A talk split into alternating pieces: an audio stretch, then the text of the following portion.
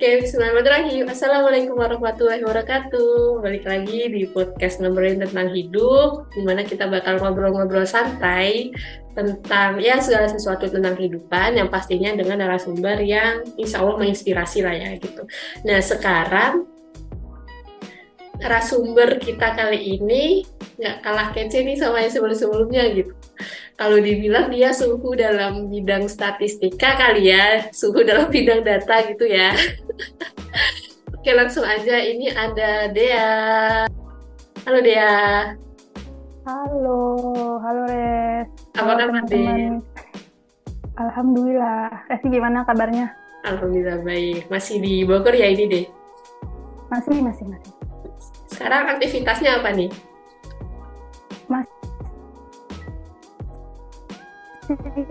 belajar. Ya enggak masih ini S2 sih di Bogor di TB S2-nya apa nih? S2 melanjutkan S1 kita S1 kita.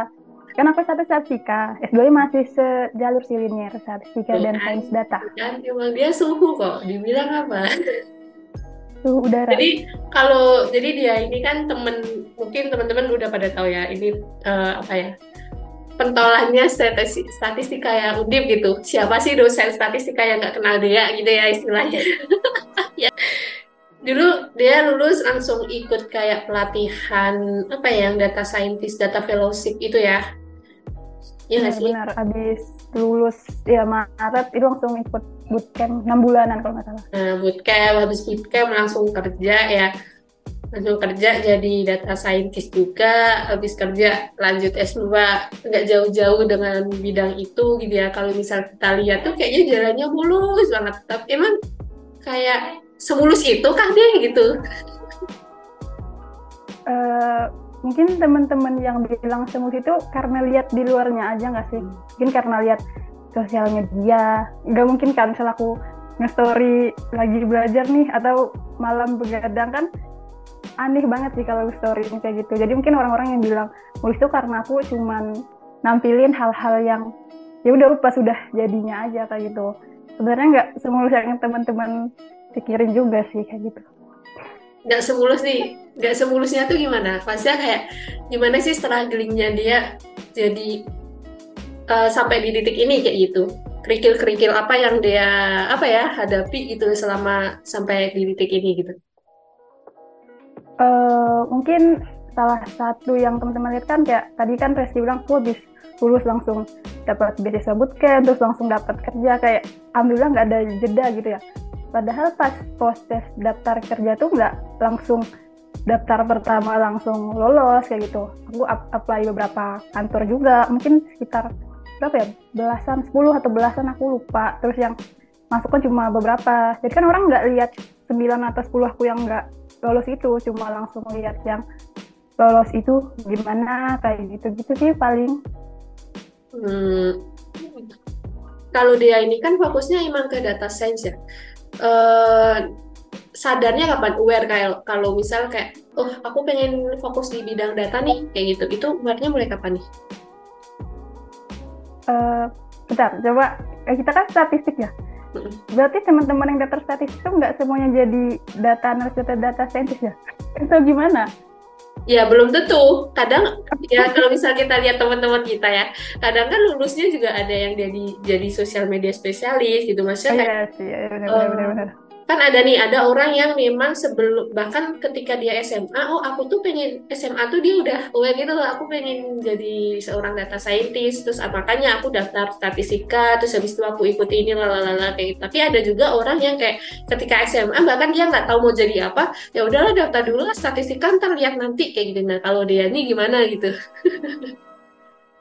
Oke, jadi aku tuh sebenarnya mau daftar statistik, pokoknya hal-hal yang terkait matematika ya. Karena emang dari awal tuh seneng sama matematika terus niatnya tuh pengen jadi akademisi kayak dosen pas awal masuk. Soalnya kan aku mikir statistika kan ada di semua mata kuliah ya. Jadi kan apply jadi dosennya enak. Dulu waktu SMA tuh sesimpel itu mikirnya.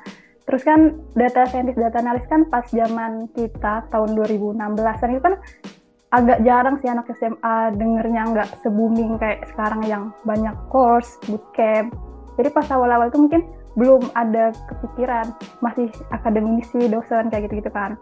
Terus pas mulai semester tiga kayak gitu terus ditambah di kita kan ada organisasi yang statistik center itu kan kita bantuin analisis data orang lain. Terus aku juga ikut beberapa kali lomba terkait analisis data. Terus pas nganalis tuh bisa ngasilin hasil yang isek yang baik terus yang ngasih apa ya pokoknya kayak info-info korban tuh kayak seneng aja gitu. Terus kayak kayaknya analisis data oke okay nih kayaknya sesuai sama aku kayak gitu. Terus jadi kayak ya udah makin didalamin aja gitu. Hmm, dan ngedalaminnya nggak nanggung-nanggung ya dia ya. Sampai ikut lomba-lomba gitu-gitu.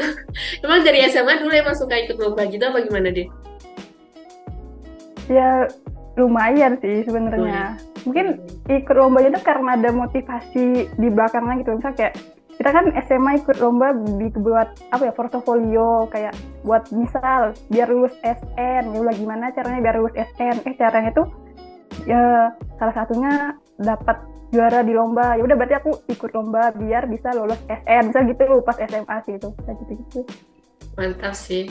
Kemarin aku sempat dapat cerita dari kamu kalau misal di rumah tuh kamu emang dibiasain sama orang tua kamu buat apa? Buat hitungan hitungan itu itu gimana sih? Itu lucu banget. Itu masa kayak uh, cerita di balik yang sekarang gitu loh. Karena emang segala sesuatu kan emang harus dibiasakan ya. Dan itu kayak suatu hal yang menarik gitu. Ini sih mungkin karena kan ayah ibuku guru matematika ya. Jadi tuh kayak de hal apa aja tuh bisa dijadiin belajar ngitung gitu dari kita TK nggak dari TK juga sih dari kecil-kecil udah. Apa aja tuh dibikin ya ayah ibuku soal gitu misal kayak uh, lagi jalan-jalan ke mall terus ada barang yang diskon terus ibu langsung bilang ayo coba hitung ini kira-kira kalau diskon harganya jadi berapa nanti dapat es krim kayak gitu.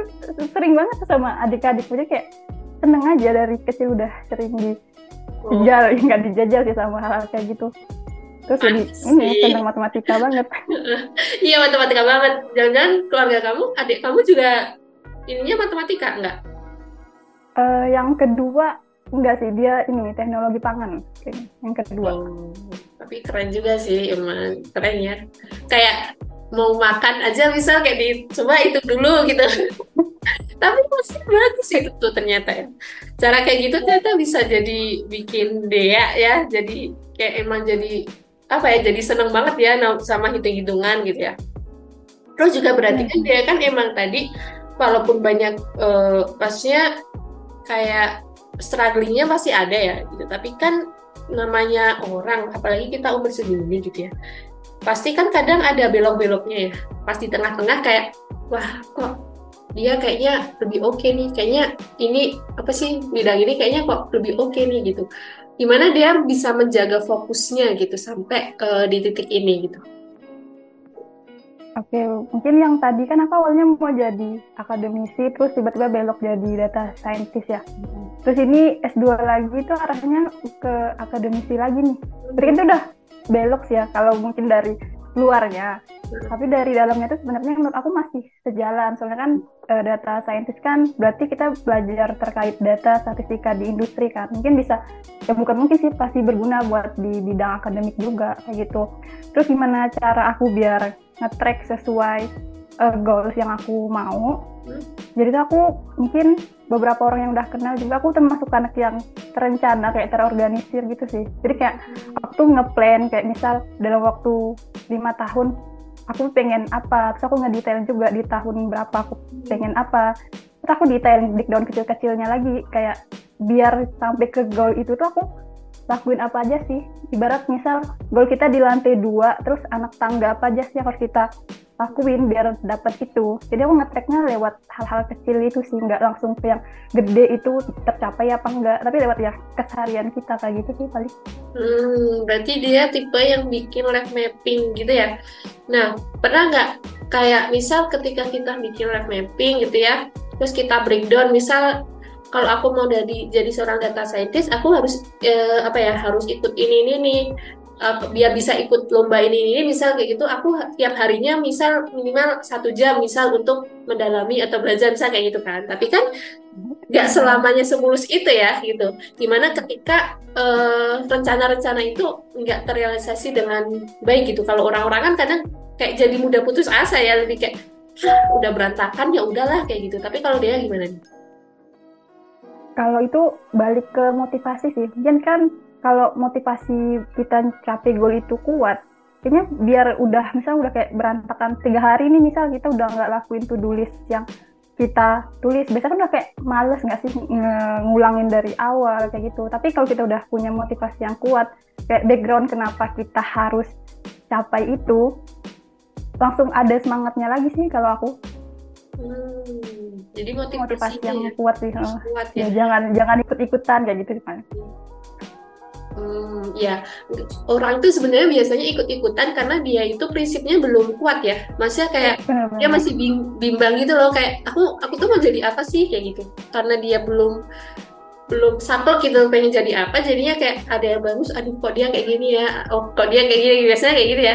Berarti ini S2 ya, ini salah satu jadi salah satu plan di life mapping kamu atau enggak? Iya S2 ya udah rencana dari SMA oh iya. rencana jadi udah kayak akademisi ya. Jadi uh, yang udah malah iya benar-benar.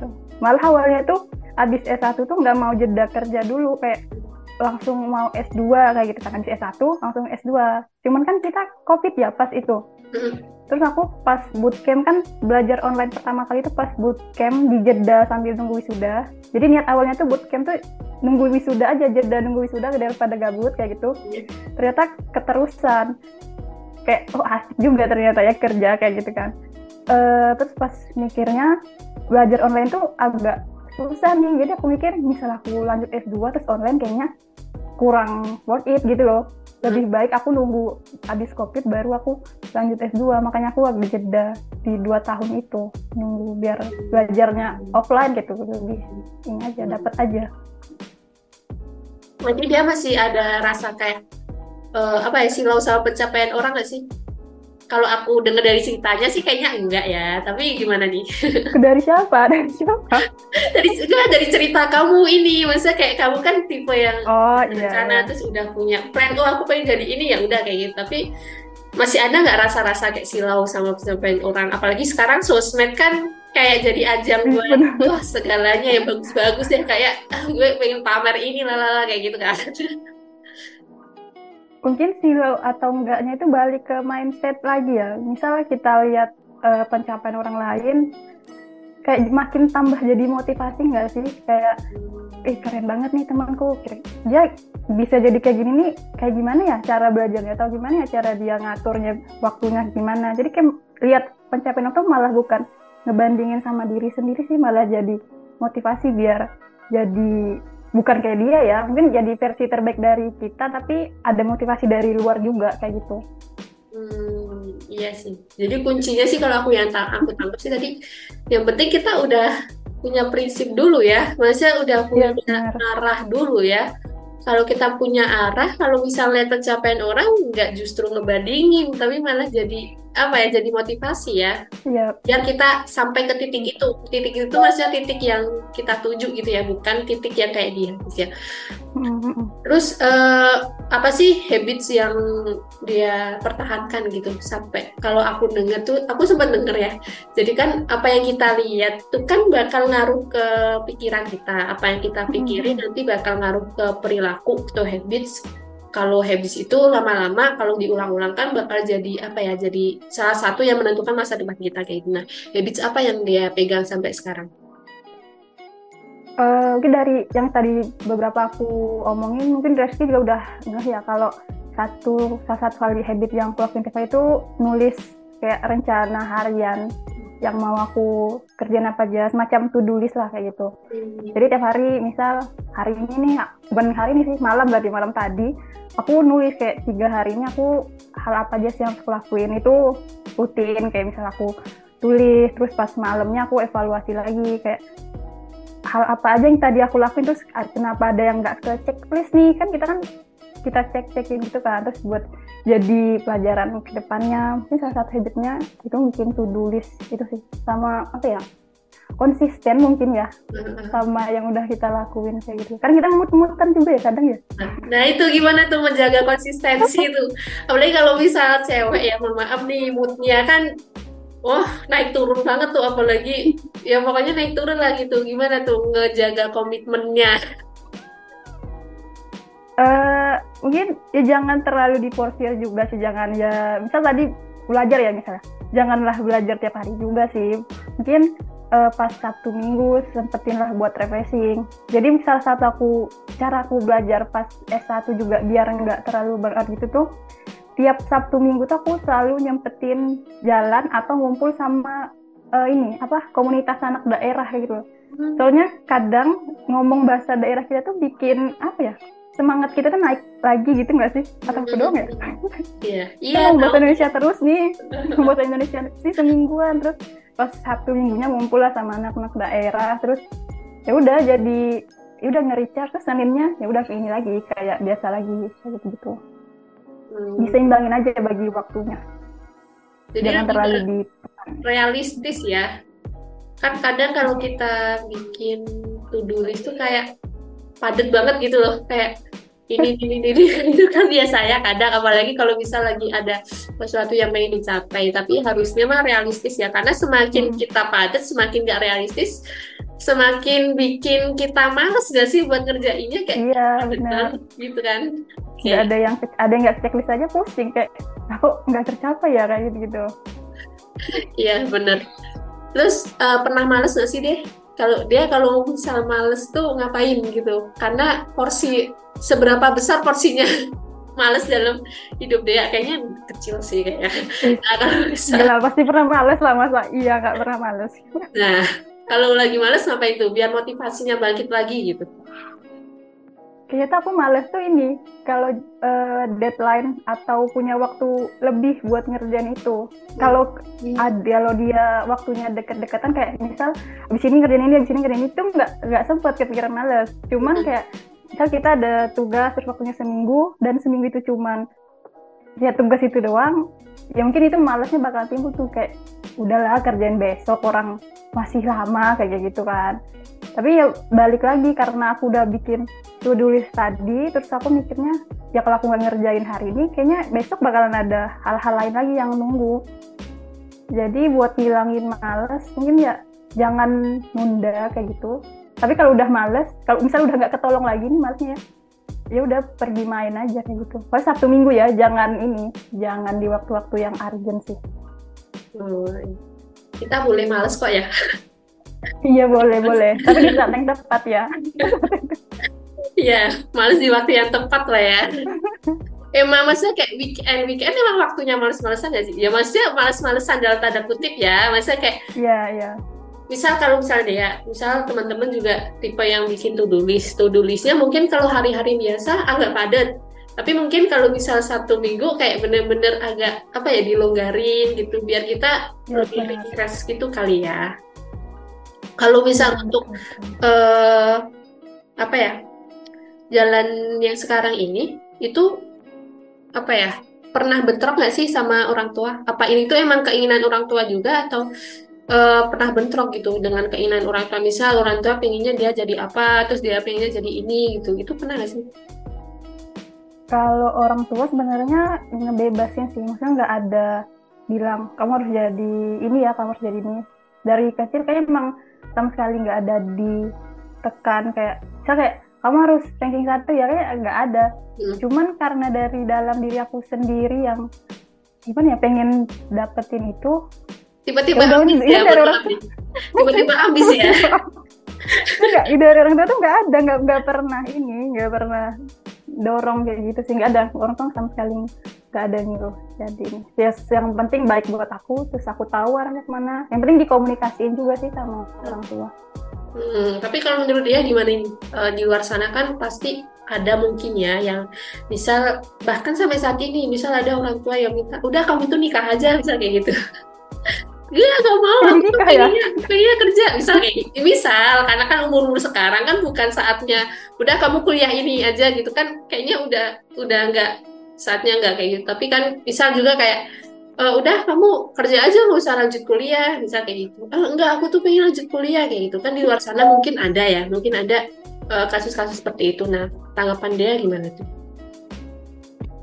Mungkin kalau yang kayak gitu uh, ini sih kompak ke komunikasi lagi sih. Mungkin anaknya dengerin dulu alasan orang tuanya. Biasanya kan orang tua punya alasan yang baik ya buat anak-anaknya kalau bisa disatuin ya kenapa nggak bisa kayak kerja sambil nikah kan bisa ya maksudku ini diomong diobrol gitu loh nggak langsung tiba-tiba bilang nggak mau kayak gitu gitu, gitu. soalnya aku pernah ini sih tapi bukan soal nikah ya ini ya hmm. pas pertama daftar kuliah tuh kan emang mau statistik dari awal hmm. terus tiba-tiba nggak tiba-tiba sih sebenarnya di kampus sekolah aku tuh ada ditawarin beasiswa kedokteran buat di PTN kayak gitu hmm. terus ditawarinnya ke anak-anak yang inilah yang apa yang ngomongnya ya? Yang itulah pokoknya. Terus di pas ditawarin aku kan bilang nggak mau nih. Itu kan ibu guru.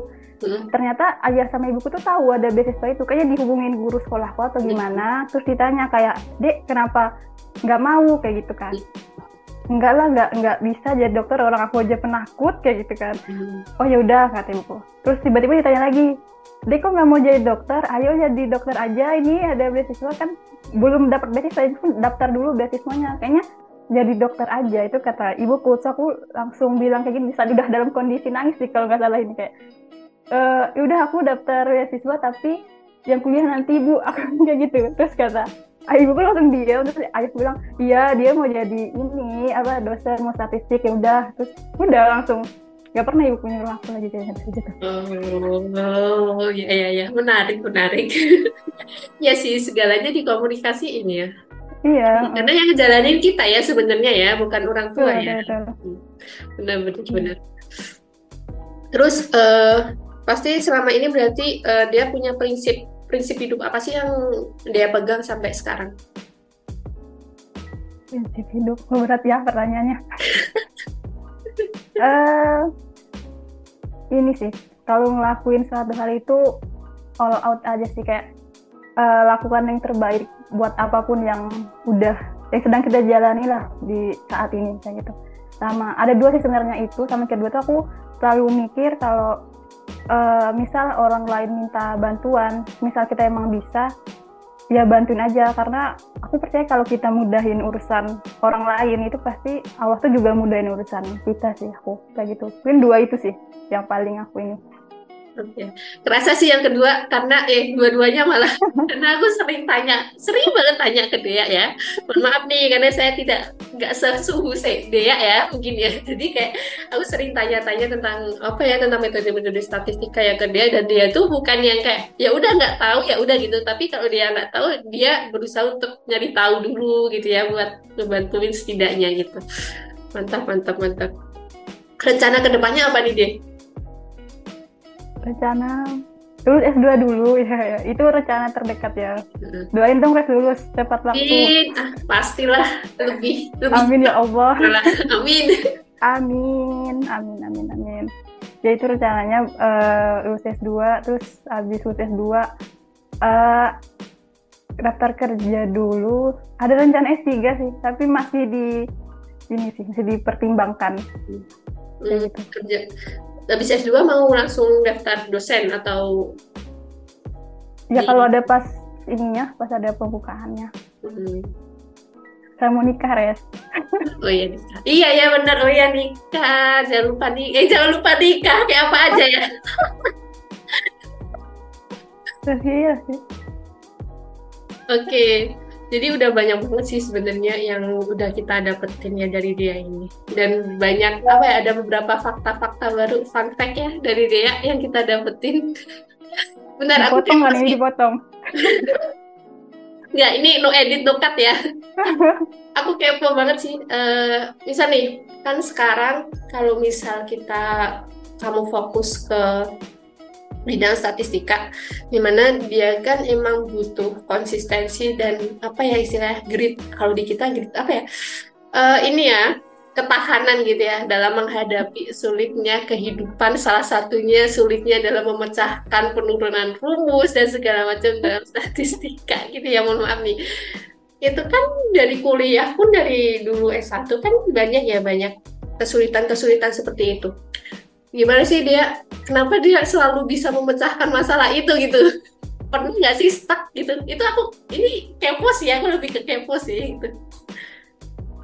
Uh, ini sih mungkin pas belajar itu pahamin konsep dasarnya dulu sih. Soalnya kalau kita udah paham konsep dasarnya mau soalnya kayak gimana pun udah tahu gimana cara ngerjainnya. Saya mungkin butuh waktu lebih ya. Mungkin ada soal-soal yang mudah kayak 10 menit itu selesai kayak gitu. Tapi kan ada juga soal-soal yang tingkat kesulitan itu udah rumit lah. Aku pernah kayak di S2 ini, kita kan S1 start mat ya namanya ya. Nah S2 tuh ada lagi tuh. Itu tuh ada soal yang kayak uh, dikerjain dua hari itu nggak nggak ada jawabannya, Res. Nggak tahu ini aku yang nggak tahu jawabannya tahu gimana tapi karena aku penasaran banget jadi aku kayak belajar konsepnya dari buku-bukunya nggak cuma dari catatan yang dosen kasih kayak gitu terus dan ini sih jangan cuma dibaca aja rumusnya tapi dicobain. Misalnya kita kayak ngebayang-bayangin gitu aja nggak sih? Kayak males terus bacanya sambil baring sih kan? Kalau nyobain tuh kayaknya tiba-tiba gimana ya? Kayak tiba-tiba ada jalan gitu loh kayak kepikiran ini bakal diapain. Karena kita udah tahu konsep-konsep yang mau dikerjain apa aja jadi bisa diperkuat konsepnya aja gitu. Okay. bener nggak sih dia aku? Pahami konsepnya ya guys ya jangan ikut itu, contoh itu, soal ya. Jangan ikut contoh soal. Iya jangan kalau ngelihat soal jangan takut dulu ya. Biasanya kan orang kayak ah ribet males gitu ya. Tapi kita ya, harus padahal dicoba enggak. Seru yang penting ini sih sama karena aku suka kali ya. Kalau suka kan nih nggak dapet makin dicari-cari. Kalau nggak bisa tuh malah sampai kepikiran. Aku pernah sampai mimpi loh mimpi nulis rumus terus pas besoknya aku coba aku kerjain tuh aku masih ingat terus ben bisa oh iya kan biasa sampai itu aku juga nggak tahu itu nggak tahu emang ya intinya satu sih harus suka dulu ya guys harus suka dulu ya, ya. suka dulu jangan dipaksa ya oke okay, baik Udah sih kayaknya udah banyak banget sih. Uh, aku mau terakhir ya. Eh nggak terakhir banget sih. Sebelum terakhir uh, apa pesan buat ada tiga aku mau minta dia ngasih tiga pesan. Pesan buat dia di masa lalu pesan buat dia di masa depan dan pesan buat teman-teman yang dengerin podcast ini. Banyak ya. Buat aku di masa lalu. Uh, mungkin Dea ya kayak ngomong sendiri sendiri lagi Tres ya iya benar gitu. Uh, yang udah kamu lakuin dulu itu udah baik ditingkatin ya. Ntar kamu bakal dapetin hal yang kamu inginkan sejak itu dengan habit kamu seperti itu. Jadi itu deh. Aku mau terima kasih sama diri aku yang dulu sih paling buat yang masa lalu. Buat dia masa depan? Oh, masa depan? Buat dia masa depan? Dia susah ya yang masa depan. Pesannya buat dia masa depan hmm, coba kamu kasih ke aku aja deh. Aku bingung bisa kamu bayangin kamu tuh udah jadi dosen uh, jadi kayak de kayak kamu ngomong ke dia yang masa depan kayak uh, selamat ya misal apa ya kayak gitu loh deh misal kamu udah kamu bayangin kamu udah menjadi apa yang udah kamu impikan gitu. Oke okay, oke. Okay. hmm, iya mungkin benar sih kayak kata kamu kita terima kasih lagi sama selamatin diri sendiri ya. Terus aku mungkin bilang jangan capek belajar ya deh pokoknya ilmu dan hal lain itu selalu berkembang jadi jangan pernah capek buat belajar. Kayak gitu sih buat diri aku di masa depan. Teman-teman buat teman-teman ya?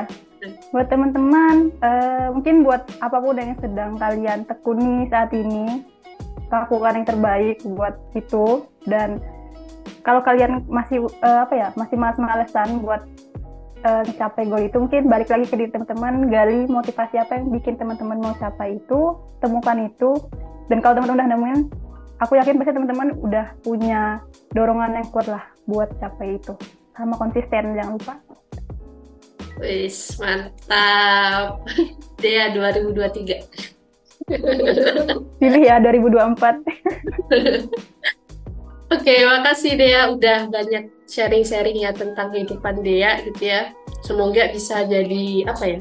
Memberikan insight baru juga buat teman-teman mendengar podcast, bisa menginspirasi teman-teman juga, bisa menumbuhkan motivasi, menumbuhkan semangat lagi buat teman-teman atas segala sesuatu yang emang teman-teman lagi kejar kayak gitu. Karena emang dunia tuh kadang sebecanda itu ya, tapi kita nggak boleh bercanda buat ngejalaninnya gitu ya istilahnya.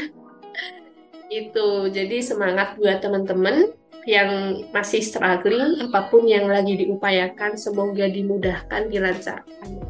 Gitu deh, makasih Dean, makasih teman-teman. Sampai jumpa di podcast selanjutnya. Assalamualaikum warahmatullahi wabarakatuh. Bye-bye. Terima kasih ngobrolin hidup.